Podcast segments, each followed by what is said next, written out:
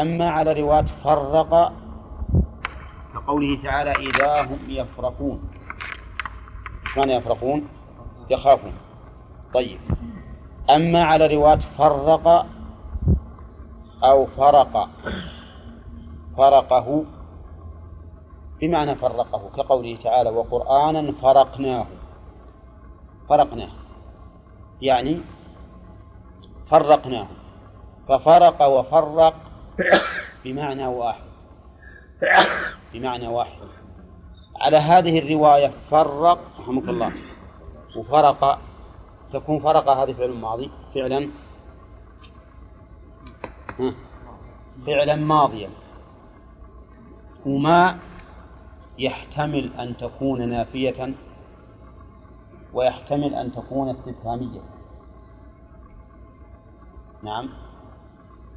على كونها نافية فالمعنى ما فرق هؤلاء بين الحق والباطل. يعني لم يفرقوا لم يفرقوا بين الحق والباطل. فجعلوا هذا من المتشابه وأنكروه ما حملوه على المحكم. ويحتمل أن تكون ما استفهامية يعني أي شيء فرقهم أو أي شيء فرقهم فجعلهم يؤمنون بالمحكم ويهلكون عند المتشابه. والخلاصة أن في هذه اللفظة ثلاث روايات. فرق وفرق ها؟ وفرقوا. فرقوا. على رواية فرقوا تكون ما؟ مبتدأ. وفرقوا ها؟ خبر مبتدأ. يعني ما خوفهم؟ أي شيء يخيفهم إذا أثبتوا لله ما أثبته لنفسه. وعلى رواية فرق وفرق. تكون ما؟ تكون فرق وفرق ها؟ فعلا ماضيا. وما يحتمل أن تكون استفهامية ويحتمل أن تكون نافية. وأيا كان فإنها تدل على الذم لهؤلاء. تدل على ذمهم. أن ابن عباس رضي الله أن ابن عباس رضي الله عنه ذمهم على هذه الحالة التي هم عليها. قال يجدون رقة عند محكمه. يجدون رقة. الرقة معناه اللين والقبول عند محكمه أي محكم القرآن ويهلكون عند متشابهه. عند متشابه أي متشابه القرآن. فما هو المحكم وما هو المتشابه؟ المحكم هو الذي اتضح معناه وتبين هذا نسميه محكما. والمتشابه هو الذي يخفى معناه يخفى معناه ما يعلمه ما, ما يعلمه الناس. والمتشابه نرجع إليه إن شاء الله. المحكم إذن ها؟ إيش معناه؟ ما اتضح معناه. والمتشابه ما خفي معناه ما خفي معناه. وهذا إذا جمع بين المحكم والمتشابه. إذا جمع بين المحكم والمتشابه صار المحكم ما اتضح معناه والمتشابه ما خفي معناه. فأما إذا أطلق إذا أفرد المحكم أو أفرد المتشابه. إذا أفرد المحكم أو أو أفرد المتشابه فإن المحكم معناه المتقن. الذي ليس فيه خلل لا كذب في أخباره ولا جور في أحكامه. الطبال إذا أفرد المحكم ولم يذكر معه المتشابه صار المراد بالمحكم المتقن الذي ليس فيه خلل لا كذب في أخباره ولا إيش؟ جور في أحكامه. كما قال تعالى وتمت كلمة ربك صدقا وعدلا. وقد ذكر الله تعالى الإحكام في القرآن دون المتشابه في عدة آيات مثل قوله تعالى تلك آيات الكتاب الحكيم. كذا عبد الرحمن. وكما في قوله تعالى كتاب أحكمت آياته. ثم فصلت. فوصف الله القرآن كله بأنه محكم. بهذا المعنى يكون محكم أي متقن ها؟ ليس فيه خلل. لا كذب في الأخبار ولا جور في الأحكام. ووصف وإذا وإذا ذكر المتشابه دون المحكم صار المعنى أنه يشبه بعضه بعضا في جودته وكماله. إذا ذكر أنه متشابه فقط ولا ذكر معه محكم صار المراد به ها أن بعضه يشبه بعضا في الكمال والجودة ويصدق بعضه بعضا ولا يتناقض. مثاله قوله تعالى الله نزل أحسن الحديث كتابا متشابها. مثاني كتابا متشابها يعني يشبه بعضه بعضا في الكمال والجودة ويصدق بعضه بعضا ولا يتناقض. ولو كان من عند غير الله لوجدوا فيه اختلافا كثيرا. وهذا كقوله تعالى في ثمار أهل الجنة في ثمر الجنة يقول وأتوا به متشابه. يعني يشبه بعضه بعضا في الكمال والجودة وإن كان يختلف من بعض الوجوه. إذن القرآن وصف مرة بأنه محكم دون أن يقرن بالمتشابه ومرة بأنه متشابه دون أن يقرن بأنه محكم. ومرة بأنه محكم مقرونا بمتشابه. سده طيب. الأول المحكم بدون أن يذكر متشابه. أي مصطفى؟ آه. أي. أي متقن. لأن الإحكام بمعنى الإتقان. متقن كمل ليس فيه خلل لا كذب في أخباره ولا جور في أحكامه. زين ومثاله وصفه بأنه محكم فقط.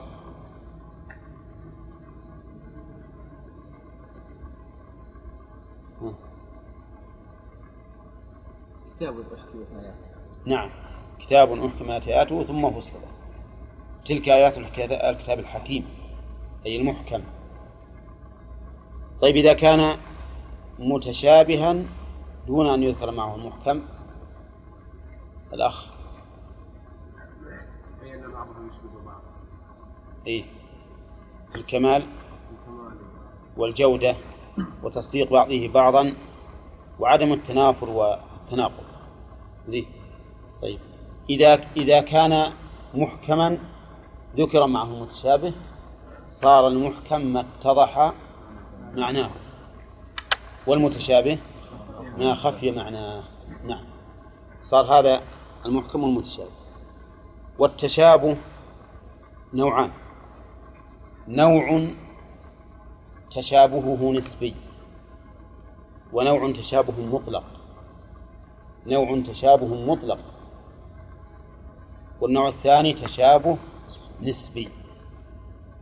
وش الفرق بين المطلق والنسبي المطلق الذي يكون متشابها لكل أحد.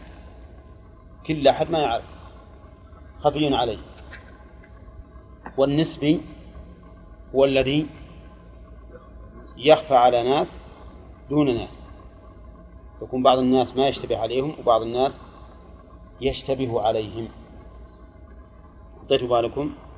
طيب بناء على هذا على تقسيم المتشابه إلى متشابه تشابها مطلقا ومتشابه تشابها نسبيا. على هذا ينبني الوقف في قوله تعالى وما يعلم تأويله إلا الله والراسخون في العلم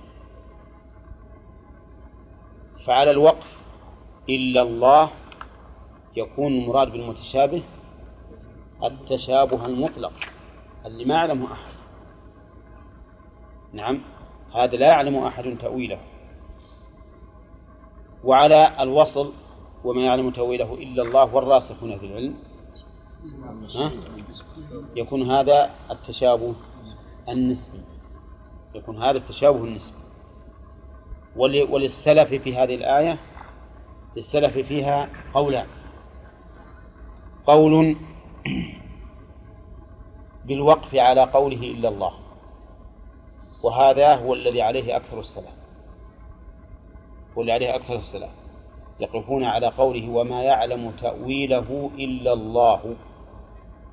وعلى هذا فالمتشابه هنا ها؟ التشابه المطلق اللي ما يمكن أحد يعرفه. ما يعلم تأويله إلا الله. مثل إيش؟ قالوا العلماء مثل لا ما هو مثل صفات الله؟ مثل كيفية صفات الله وحقائق صفات الله وحقائق ما أخبر الله به من نعيم الجنة ومن عذاب النار. هذه الحقائق ما ندركها نحن. كل أحد ما يدركها أولا هل أنت تدرك الآن طعم العنب الذي طعم الفاكهة اللي في الجنة والنخل والرمان؟ ما تدرك هذا. ولا تدرك حقيقته. ولهذا قال ابن عباس ليس في الدنيا شيء مما في الآخرة مما في الجنة ها إلا الأثم. طيب سقوا ماء حميما فقطع أمعاء نعرف أن الماء الحميم يعني الماء الحار. لكن ما نتصور حرارة ماء النار والعياذ بالله. نعم. ما نتصور هذه الحرارة. حرارة ما, ما لها نظير في الدنيا. لأن نار الآخرة فضلت على نار الدنيا بتسع وس... بتسعة وستين جزءا. إذن هذا من المتشابه. ها؟ إيش؟ المطلق الذي لا يعلمه إلا الله. وأما على قراءة وما يعلم تأويله إلا الله والراسخون في العلم. فالمراد بالتشابه التشابه النسبي. وهذا يعلمه الراسخون في العلم. ويكون على غيرهم مشتبها. ولهذا يروى عن ابن عباس رضي الله عنهما أنه قال أنا من الراسخين الذي في العلم الذين يعلمون تأويله. ما قاله مدحا لنفسه أو ثناء على نفسه ولكن قاله ليعلم الناس أنه ليس في كتاب الله شيء لا يعرف معناه. ليس في كتاب شيء لا يعرف معناه. فالمعنى معاني القرآن كلها بينة لكن بعض القرآن يشتبه على ناس ويتضح لأناس آخرين. وهذا صحيح ولا لا؟ صحيح. حتى العلماء الراسخون في العلم أحيانا يختلفون في معنى القرآن. أليس كذلك؟ وهذا يدل على أنه خفي على بعضهم لأن الصواب بلا شك قول أحدهم. إذا كانت الأقوال متضادة. أما إذا كانت الأقوال مختلفة اختلاف تنوع فإنه لا تضاد بينها. لكن أحيانا يكون آراء المفسرين تختلف اختلافا ضديا. يعني بعضها ضد بعض ما يمكن يجمع بينهم. فهذا لا شك أن الصواب مع أحدهما إذا كانت الآية لا تحتمل معنيين. فإن كانت تحتمل المعنيين كما سبق فإنها تحمل عليهما جميعا. والحاصل نعم آه.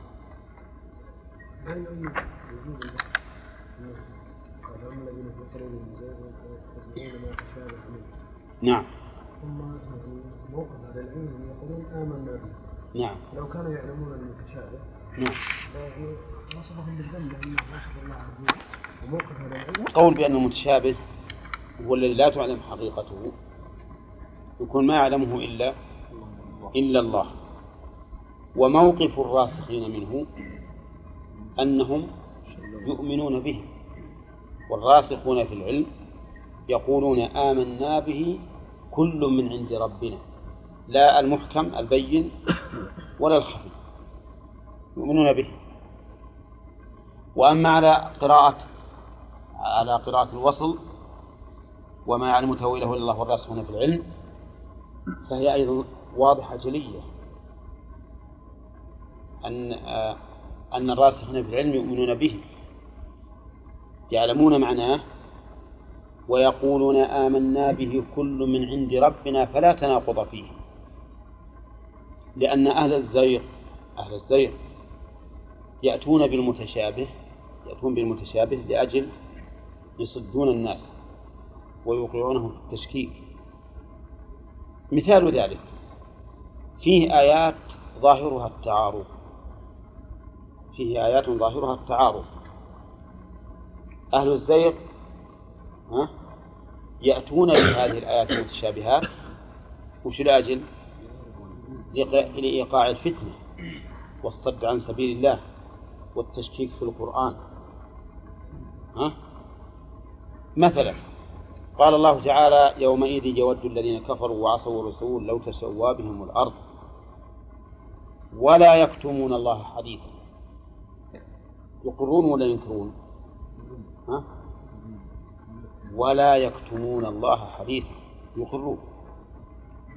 وفي آية أخرى ثم لم تكن فتنتهم إلا أن قالوا والله ربنا ما كنا مشركين. أقروا؟ ولا أنكروا أنكروا يجي واحد من الزائغين يقول تعالوا شوفوا القرآن متناقض. نعم؟ متناقض. أولى ربما يلبس على عامة الناس. لكن الراسخين في العلم يقولون آمنا به. كل من عند ربنا فلا تناقض فيه. ولو كان من عند غير الله لوجدوا فيه اختلافا كثيرا. ما يتناقض. فالناس يوم القيامة لهم أحوال. ويوم القيامة مه بلحظة. في يوم كان مقداره خمسين ألف سنة. يمكن ساعة يقرون وساعة ينكرون حسب ما يظنون أن ذلك ينفعهم. يجي واحد أيضا يقول يقول تعالى القرآن يقول ما أصابك من حسنة فمن الله وما أصابك من سيئة فمن نفسك. صح؟ ويقول وإن تصبهم حسنة يقول هذه من عند الله وإن تصبهم سيئة يقول هذه من عندك. قل كل من عند الله شلون نعم الزائغون يقولون هذا يريدون هذه الأشياء أليس كذلك؟ طيب وش نقول؟ الراسخون في العلم يقول نحن نعلم وجهة هذا وجه هذا القول كل من عند ربنا فلا تناقض فيه كيف ذلك؟ يقولون ما أصابك من حسنة فمن الله وما أصابك من سيئة فمن نفسك أي أنك أنت سببها. لقوله تعالى وما أصابكم من مصيبة فبما كسبت أيديكم ويعفو عن كثير. وأما ما أصاب وإن تصبهم حسنة يقول هذه من عند الله وإن تصبهم سيئة يقول هذه من عندك قل كل من عند الله. فهذا في رد قول المشركين. أني أنا أنك يا محمد ليس لك دخل في إصابتهم بالنكبات النكبات. منين؟ من الله. ما أنت ما لك دخل. وهذا كقوله كقوله تعالى قالوا اطيرنا بكم قال قالوا اطيرنا بك وبمن معك. ها؟ قال طائركم عند الله. ما هو مننا. فما أصابكم من الجد وغيره ليس مني أنا. واضح؟ وهكذا يتبع أهل الزيغ ما تشابه في القرآن. يقول لك إن الله يقول للرسول صلى الله عليه وسلم إنك لا تهدي من أحببت ولكن الله يهدي من يشاء. وفي آية أخرى يقول وإنك لتهدي إلى صراط مستقيم. متشابه. نعم. أليس كذلك؟ أهل الزيغ يتبعون هذا. وأهل الحق الراسخون في العلم يقولون كل من عند ربنا وما دك... نعم ويؤمنون به ويحملون كل واحد على وجه ها؟ لا يخالف الآخر فإنك لا تهدي من أحببت هداية توفيق وإنما هداية التوفيق بيد من؟ بيد الله وإنك لتهدي إلى إلى صراط مستقيم هذه هداية الدلالة. نعم. يجي صاحب الزيغ أيضا يقول إن الله يقول بل يداه مبسوطتان. فأثبت أن أن له يدين. صح؟ ولكنه يقول ليس كمثله شيء. فأثبت أنه لا مثل له. كيف يثبت يد؟ وفي آية يقول ما مثل هذا تناقض ولذلك لما اتبعوا المتشابه وش قالوا؟ قالوا ليس لله ها؟ ليس لله يد. فأنكروا اليد. بناء على هذه الشبهة التي حصلت لهم. واضح؟ والراسخون في العلم يقولون أبدا. هذا لا يتناقض. كل من عند ربنا ولو كان من عند غير الله لوجدوا فيه اختلافا كثيرا. ونحن نقول لله يدان لكن لا تماثل. ها؟ أيدي المخلوقين كما أن المخلوقات بعضها مع بعض لا تتماثل مع اتفاقها في الاسم أولى. نقول لهذا الرجل اللي أورد عليه هذا الشبهة تعال يا, يا رجل. هل عندك هر؟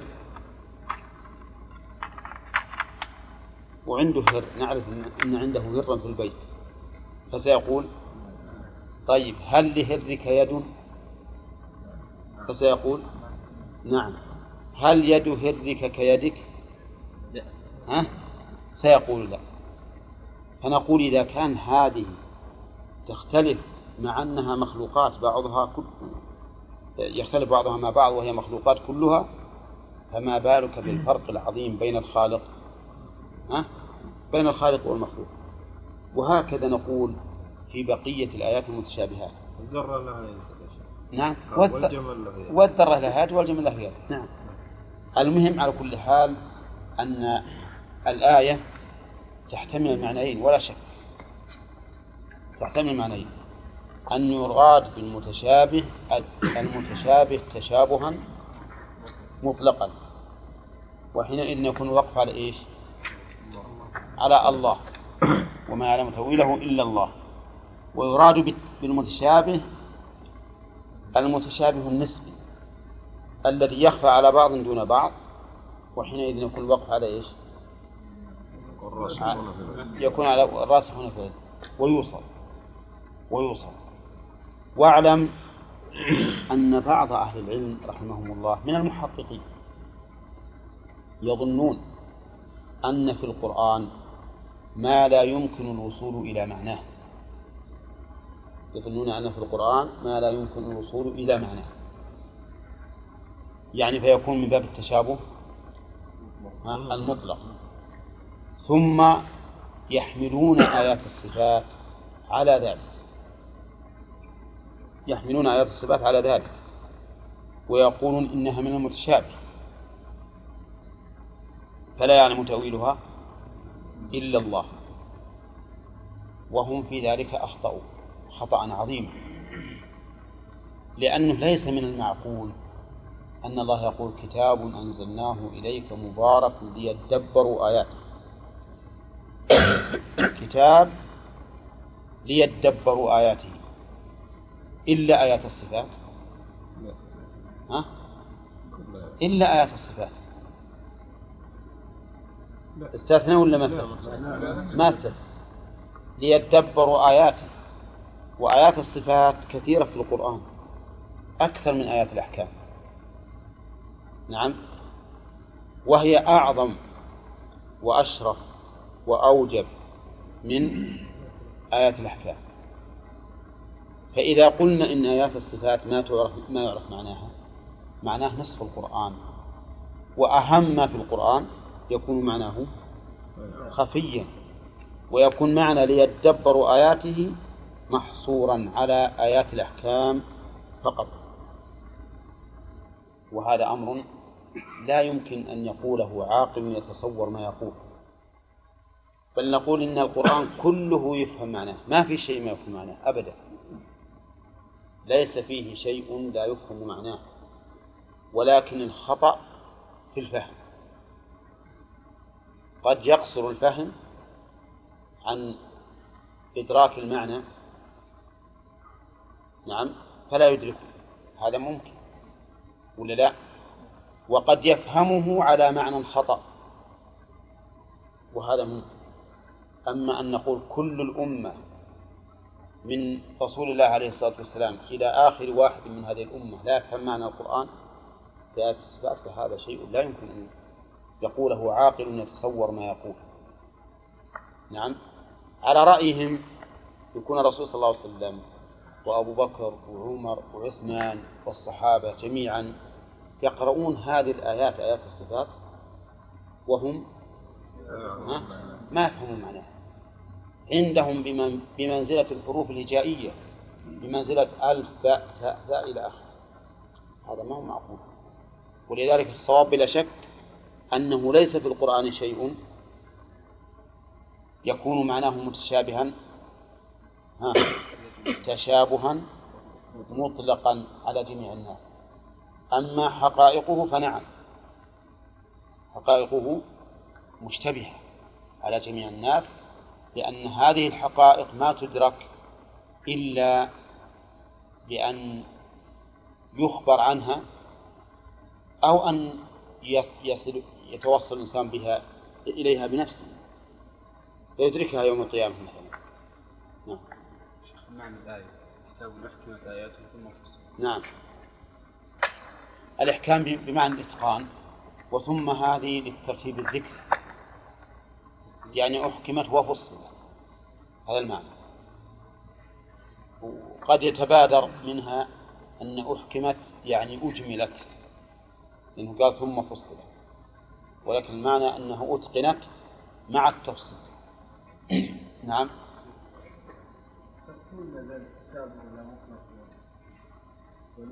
نعم. يكون فقط محصور على الأشياء نعم بن... نعم. الحقائق هي المطلق التشابه المطلق. على هذا نص نص أي نعم. نعم نعم. إذا حملنا التشابه على التشابه المطلق نص نقف نقف. بس هنا تأويل. وما يعلم تأويله نعم. والتأويل والتفسير لا لا. التأويل يطلق على معنيين. تأويل بمعنى حقيقة الشيء وما يؤول إليه. كما في قوله تعالى هل ينظرون إلا تأويله. وكما في قول يوسف لما سجدوا له إيش قال؟ هذا تأويل رؤياي. يقول هذا تأويل يعني هذه الحقيقة التي الرؤيا ما هو بتفسيرها. صلى الله عليه وسلم يذكر الرحمن أنكروا ذلك. فأنزل الله فيهم وهم يكفرون بالرحمن.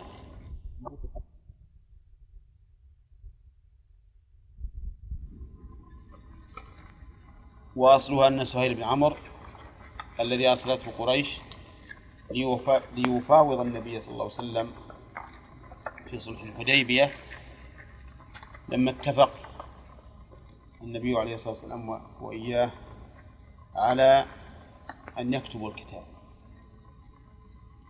أمر النبي عليه الصلاة والسلام أن يكتب بسم الله الرحمن الرحيم.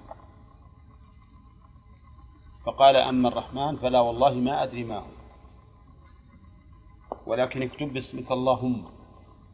فقال النبي صلى الله عليه وسلم اكتب باسمك اللهم. فأنكروا الرحمن لا المسمى ولكن الاسم. فأنكروا المسمى الرب عز وجل يقرون به لكن أنكروا هذا الاسم. وقالوا إننا لا نعرف رحمن إلا رحمن اليمامة. ولكن أنزل الله هذه الآية. وهم يكفرون بالرحمن. أي بهذا الاسم من أسماء الله تعالى. وقد قال الله سبحانه وتعالى قل ادعوا الله أو ادعوا الرحمن أيا ما تدعو فله الأسماء الحسنى. يعني بأي اسم من أسمائه تدعو فإن له الأسماء الحسنى كل أسمائه الحسنى. الله والرحمن والرحيم والملك والقدوس والجبار والمتكبر وغيرها من الأسماء كلها حسنى. وهذه الآية المراد بها الإنكار على قريش. وفيها دليل على أن من أنكر اسما من أسماء الله فقد كفر. لقوله فهم يكفرون. فسمى الله تعالى إنكارهم كفرا وهذا لا شك فيه أن من أنكر اسما من أسماء الله مما ثبت في كتاب الله أو في سنة رسوله صلى الله عليه وسلم فهو كافر لماذا؟ أي لأنه تكذيب تكذيب لله ورسوله ومن كذب الله ورسوله فهو كافر وقوله ولما سمعت قريش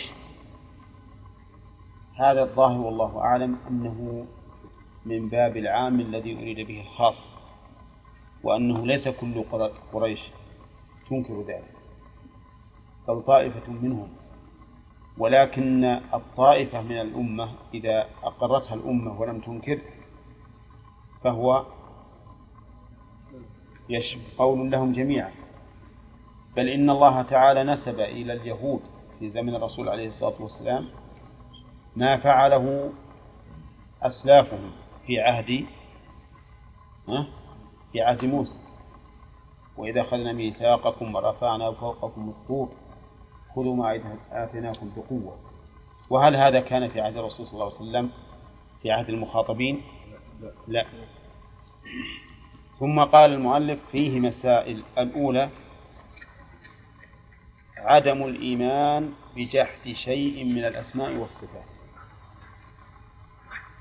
يعني بسبب جحد وعدم بمعنى انتفاء يعني انتفاء الإيمان بجحد شيء من الأسماء والصفات.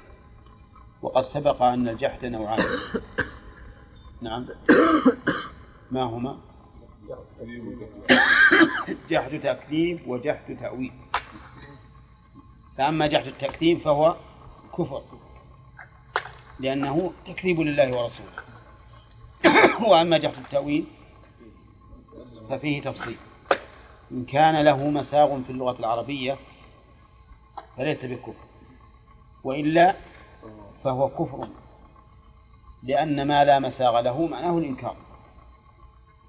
معناه الإنكار. نعم. ثانيا تفسير آية الرعد وهم يكفرون بالرحمن. هي في الرعد. ها؟ في الإسراء ها؟ بالرعد متأكدون؟ نعم. نعم في الرعد الثالث ترك التحديث بما لا يفهم السامع. قول ترك التحديث بما لا يفهم السامع تقدم أن هذا ليس على إطلاقه وإنما يحدث به العموم عموم الناس. والذين يخشى عليهم منه فماذا نصنع معهم؟ نبلغهم إياه بالتدرج وإلا فلا نكتم الحق لعدم فهم الناس له بل الواجب علينا أن نبين الحق ولكن الذين لا يدخل عقولهم نعم نتدرج معهم به وإلا فلو أن كل ما أنكره الناس تركناه لتركنا كثيرا من الأمور العلمية الخبرية والعلوم العملية الحكمية أليس كذلك؟ لو قلنا إن الناس الذي لا يبلغ عقولهم أو لا يعرفونه نتركه تركنا كثيرا من العلوم الخبرية ومن العلوم الحكمية الخبرية يعني ما سنده الإخبار والعملية ما هو معمول به. مثل كثير من السنن يجهلها بعض الناس وينكرونها. نقول والله لا تفعل لأن الناس ينكرون. ها؟ أو نقول افعل وتدرج بالناس. هذا هو الحق. مثال ذلك في الأمور العملية. بعض الناس يقول لا تسجد للسهو بعد السلام. لأن الناس يستنكرون ذلك. طيب إذا استنكروا ذلك ندع السنة. بل إنهم إذا استنكروا ذلك كان فعلها أوكل مما لو كانوا يقرون بذلك. السبب لوجوب البيان حينئذ. لأن بيان السنة واجب. بيان السنة غير العمل بالسنة. يعني يجب أن تبين السنة لكن العمل بالسنة السنة ما هو واجب. فإذا ماتت هذه السنة وجهلت بين الناس وجب علينا أن نفعلها. نحن طلبة العلم. حتى تتبين للناس ثم من شاء فعلها وأجر ومن شاء لم يفعلها ولا وزر. إذا قول علي حدث الناس بما يعرفون وقول المؤلف رحمه الله عدم التأتيت بما لا يفهم السامع.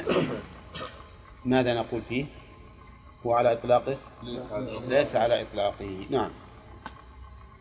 يقول الرابعة ذكر العلة أنه يفضي إلى تكذيب الله ورسوله. ذكر العلة في عدم التحديث وهو أنه يفضي إلى تكذيب الله ورسوله. من الذي يكذب الله ورسوله؟ هو الذي لا يبلغه عقله ما حدث به أو لا يبلغ عقله ما حدث به. فيكذب يقول هذا غير ممكن غير ممكن. وهذا كما يوجد في أشياء كثيرة مما أخبر النبي عليه الصلاة والسلام مما يكون يوم القيامة. نعم كما أخبر الرسول عليه الصلاة والسلام أن الأرض يوم القيامة كخبزة في يد الله عز وجل. يتكفأها بيده كما يتكفأ الإنسان خبزته. وما أشبه ذلك كما أن الصراط أحد من السيف وأدق من الشعر. مثل هذه الأمور يجب يعني لو حدثنا بها إنسانا عاميا هذا ما يصير لكن يجب أن تبين له بالتدريج حتى يتمكن من عقلها مثل ما نعلم الصبي شيئا فشيئا. قال المؤلف أنه يفضي إلى تكذيب الله ورسوله ولو لم ولو لم يتعمد المنكر. وشلون ولو لم يتعمد؟ يعني المنكر لما كذبها ما هو يقصد تكذيب الله ورسوله لكن يقصد أن نسبة هذا الشيء إلى الله ورسوله كذب. بالكم الفرق. أن يكذب قد لا يتعمد المنكر الذي الذي لم يبلغ عقله هذا الشيء ما يتعمد أن يكذب الله ورسوله نفسهما لكن يكذب إيش؟ نسبة ذلك إلى الله ورسوله. نسبة ذلك يقول هذا ما يمكن. نعم وهنا فرق بين الأمرين. أولا هنا فرق. هذا ما كذب الله ما قال نعم الله قال كذا لكن هذا كذب. أو الرسول قال هذا ولكن كذب. قال لا ما يمكن يقول الله ورسوله.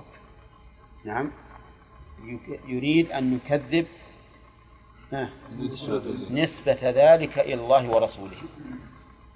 ولهذا قال ولو لم يتعمد المنكر.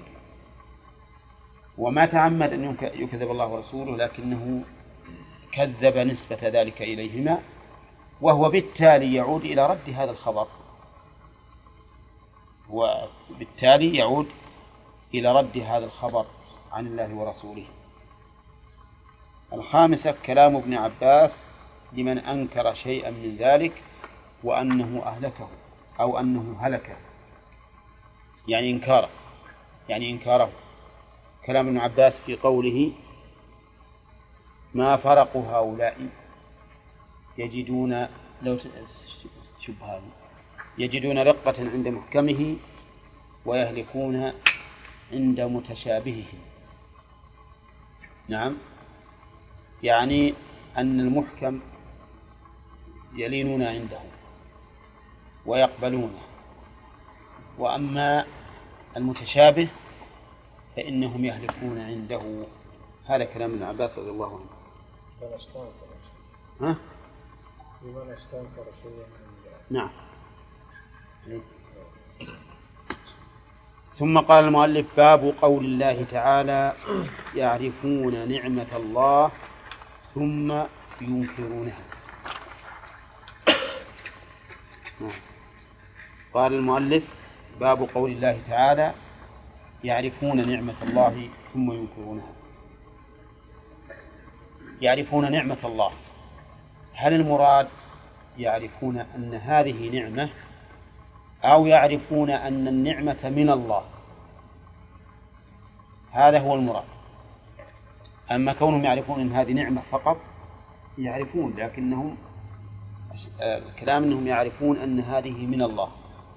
نعمة مضاف ها؟ والله مضاف إليه. من باب إضافة الموجد إلى الموجد. هم يعرفون أن النعمة من الله. يعرفون ذلك لكنهم ينكرونها. بما سيذكر في تفسير الآية. وقوله نعمة الله هي واحدة والمراد بها الجماعة. المراد بها الجماعة. يعني ليست فردا بل هي لا تحصى. كما قال تعالى وإن تعدوا نعمة الله لا تحصوها. وقد مر علينا في القواعد الأصولية أن المفرد المضاف يفيد العموم. زوجة يعني درجة. المفرد المضاف يفيد العموم. المفرد المضاف يفيد العموم. الدليل ما ما مثلنا به. يعرفون آه، وإن تعدوا نعمة الله لا تحصوها وقوله ثم ينكرونها. أي ينكرون إضافتها إلى الله. ينكرون إضافتها إلى الله بكونهم يضيفونها إلى السبب. يضيفونها إلى سببها متناسين المسبب وهو الله سبحانه وتعالى. هذا معنى قوله ثم ينكرونها. وليس معنى أنهم ينكرون هذه النعمة فيقولون مثلا ما جاءنا ولد ما جاءنا مطر ما جاءنا صحة ما هم يقولون هكذا؟ لكن ينكرونها بإضافتها إلى غير الله إلى سببها. متناسين ها؟ متناسين الخالق الذي خلق السبب فوجد به المسبب. يقول مؤلف الآية وش معنى الآية؟ يعني إلى آخر الآية. وهي منصوبة بفعل محذوف تقديره أكمل الآية. قال وأكثرهم إيش؟ يعرفون نعمة الله ثم ينكرونه وأكثرهم الكافرون أو الكاذبون. ها؟ مكتوبة؟ وأكثرهم الكافرون. طيب. يعني أكثرهم الكافرون الذين كفروا بالله عز وجل. نعم. وقوله وأكثرهم بعد قوله يعرفون. الجملة الأولى أضافها إلى الكل وفي الثانية أضافها إلى الأكثر. وذلك لأن منهم من هو عامي ما يعرف. ما يعرف ولا يفهم. لكن أكثرهم يعرفون ثم يكفرون بذلك. ما مناسبة هذا الباب للتوحيد؟ مناسبته ظاهرة. أن من أضاف نعمة الخالق إلى غيره فقد جعل معه شريكا في الربوبية. جعل معه شريكا في الربوبية. هذا من وجه. ومن وجه, ومن وجه آخر أنه لم يقم بالشكر الذي هو عبادة. عبادة من العبادات. وترك الشكر مناف للتوحيد. لأن الواجب أن يشكر الخالق المنعم سبحانه وتعالى. فصارت لها مساس أو لها صلة في توحيد الربوبية وفي توحيد ها؟ العبادة. فمن حيث إضافتها إلى السبب على أنه فاعل هذا إخلال بتوحيد الربوبية. ومن حيث ترك القيام بالشكر الذي هو العبادة هذا إخلال بتوحيد الألوهية. نعم. قال مجاهد ما معناه؟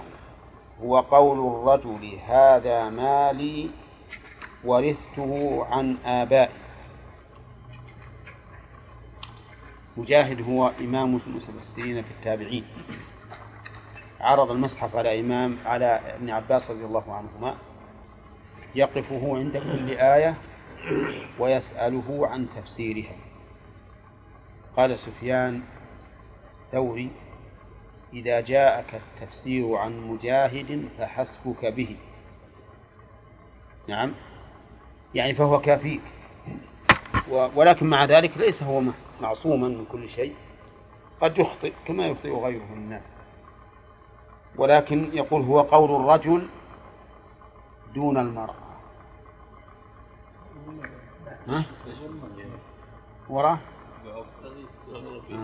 هذا من باب التغليب والتشريف أيضا لأن الرجل أشرف من المرأة. طيب قول الرجل هذا مالي ورثته عن آبائي. هذه الكلمة بظاهرها ما فيها شيء. لو قال لك واحد منين لك هذا البيت؟ قال والله هذا بيتي. هذا البيت لك ولا مستأجر؟ قال لا هذا بيتي. منين؟ ورثته عن آبائي. فيها شيء ذي هذه ما فيها شيء. هذه خبر محض. لكن مراد مجاهد إذا أضاف تملك هذا الشيء إلى السبب الذي هو الإرث متناسيا المسبب الذي هو الله. إرثك إياه بأي وسيلة؟ بشرع الله عز وجل.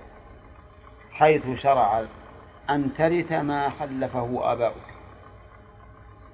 فإذا تحصيلك إياه بحولك وقوتك. ها؟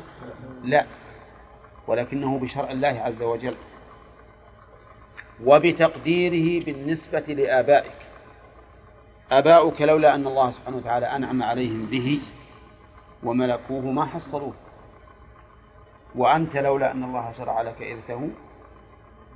نعم. ما حصلته ولهذا لو لو كان فيك مانع من موانع الإرث ها؟ ما حصلت هذا. فتبين أن وصول هذا المال إليك من الله وإلى الله.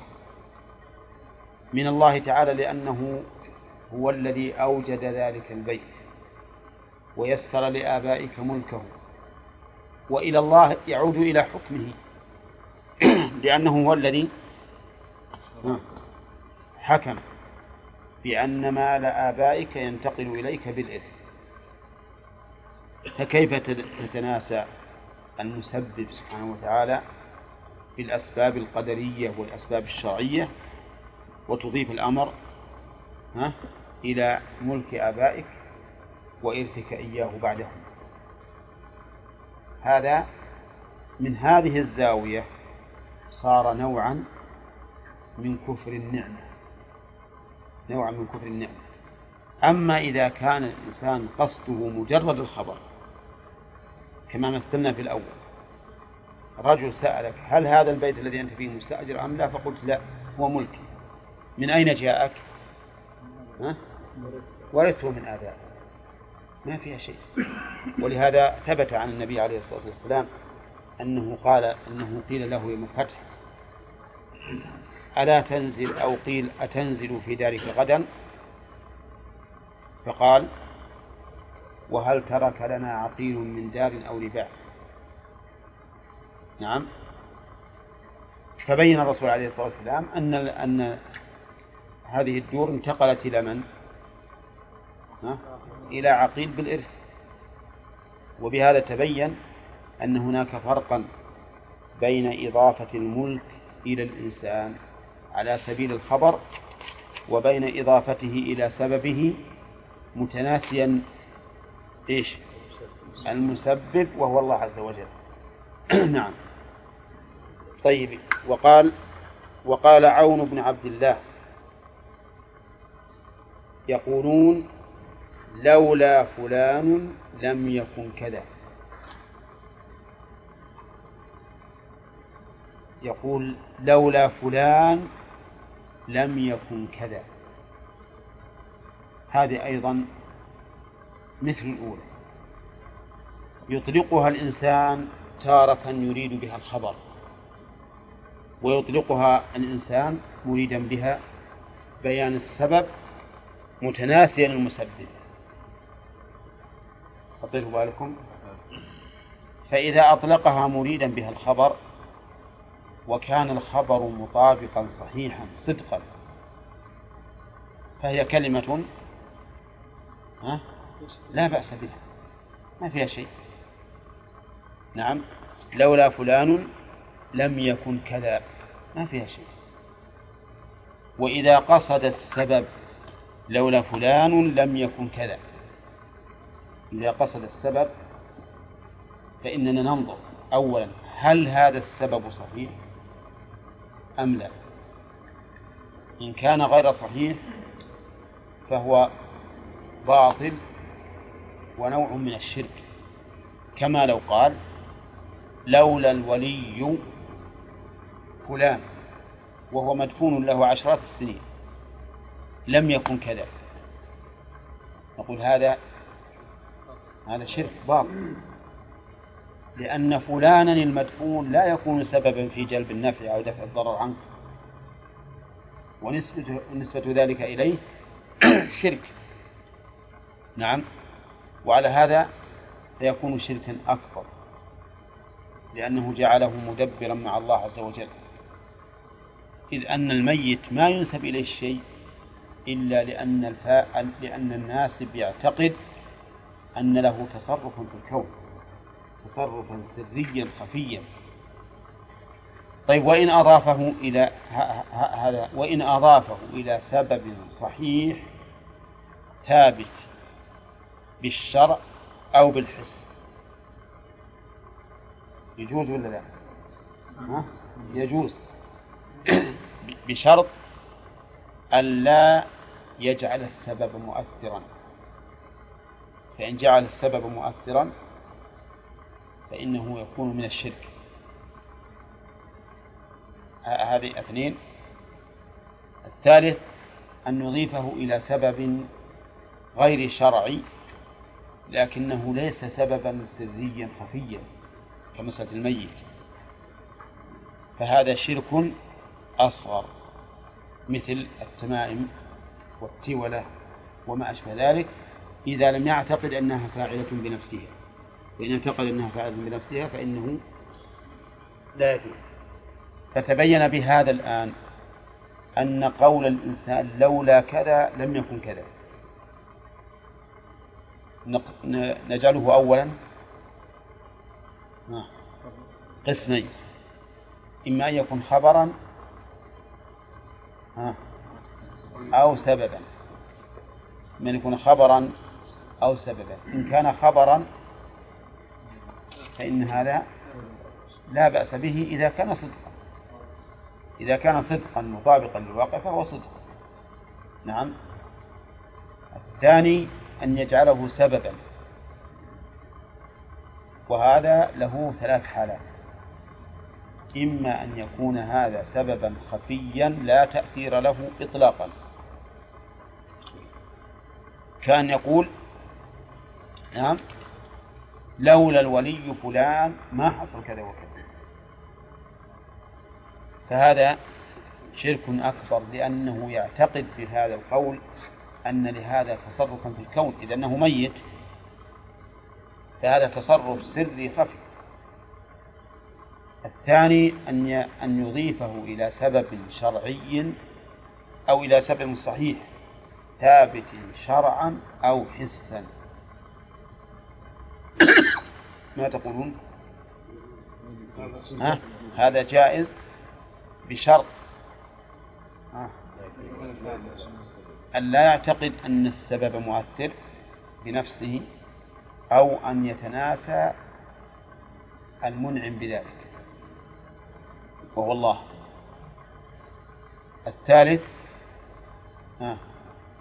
أن يضيفه إلى سبب ظاهر لكنه لم يثبت كونه سببا لا شرعا ولا حسا.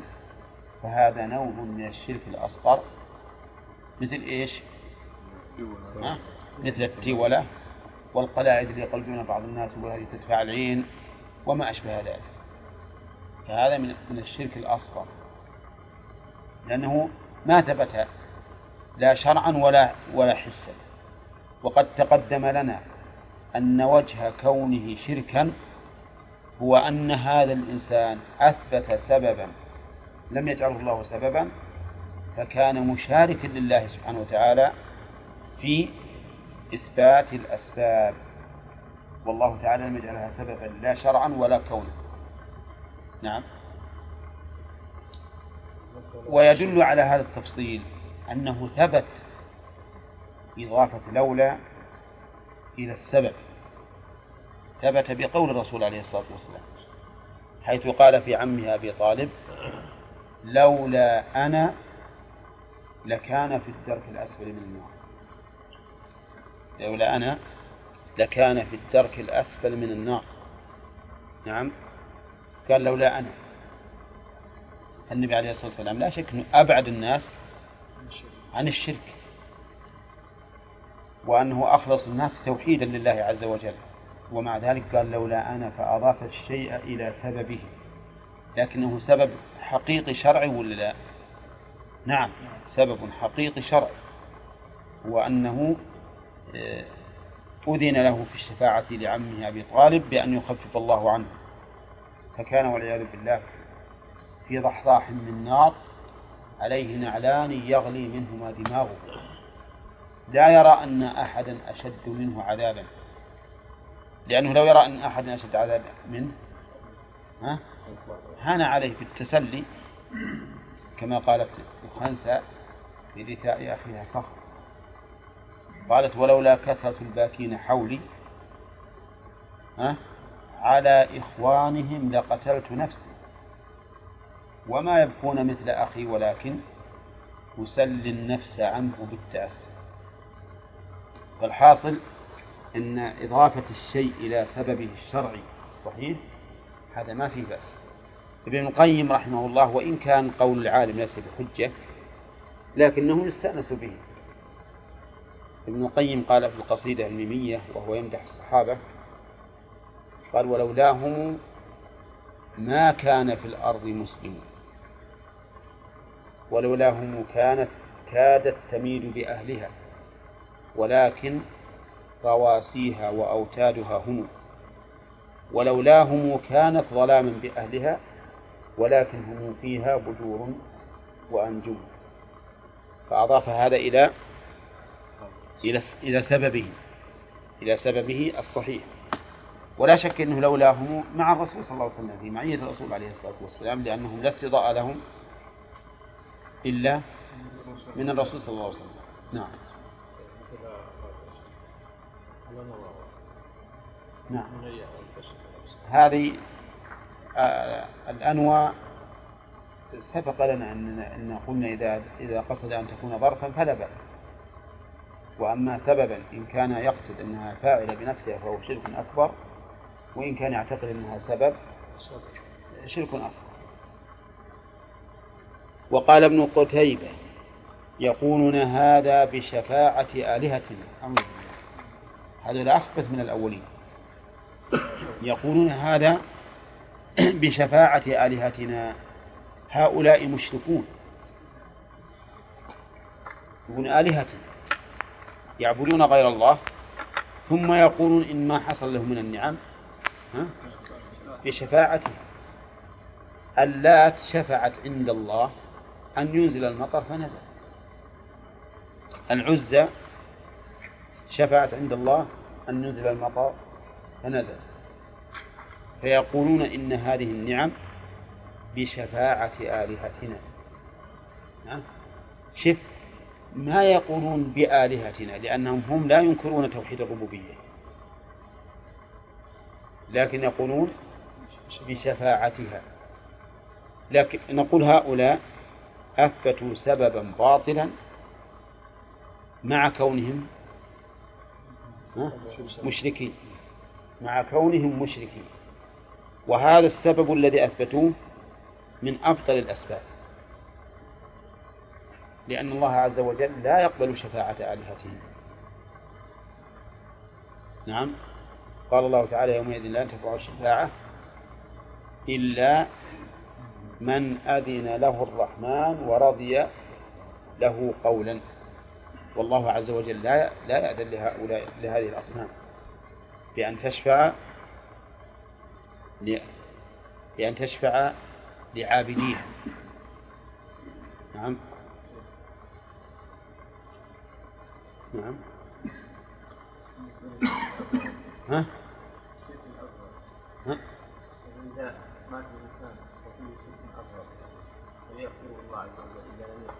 هذا في خلاف بين أهل العلم. شيخ الإسلام يقول إن الله لا يغفره لعموم قوله تعالى إن الله لا يغفر أن يشرك به. وبعض العلماء يقول إن المراد بالشرك في الآية الشرك الأكبر. هو على كل حال المشرك ولو شركا أصغر على خطر ولكن الشرك الأصغر أعظم من الكبائر. كما قال ابن مسعود لأن أحلف بالله كاذبا أحب إلي من أن أحلف بغيره صادقا.